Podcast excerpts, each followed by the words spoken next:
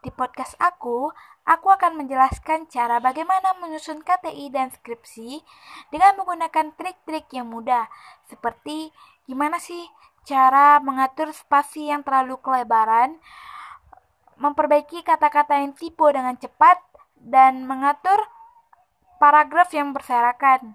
Di sini saya ya, akan menjelaskan dengan baik dan dengerin ya.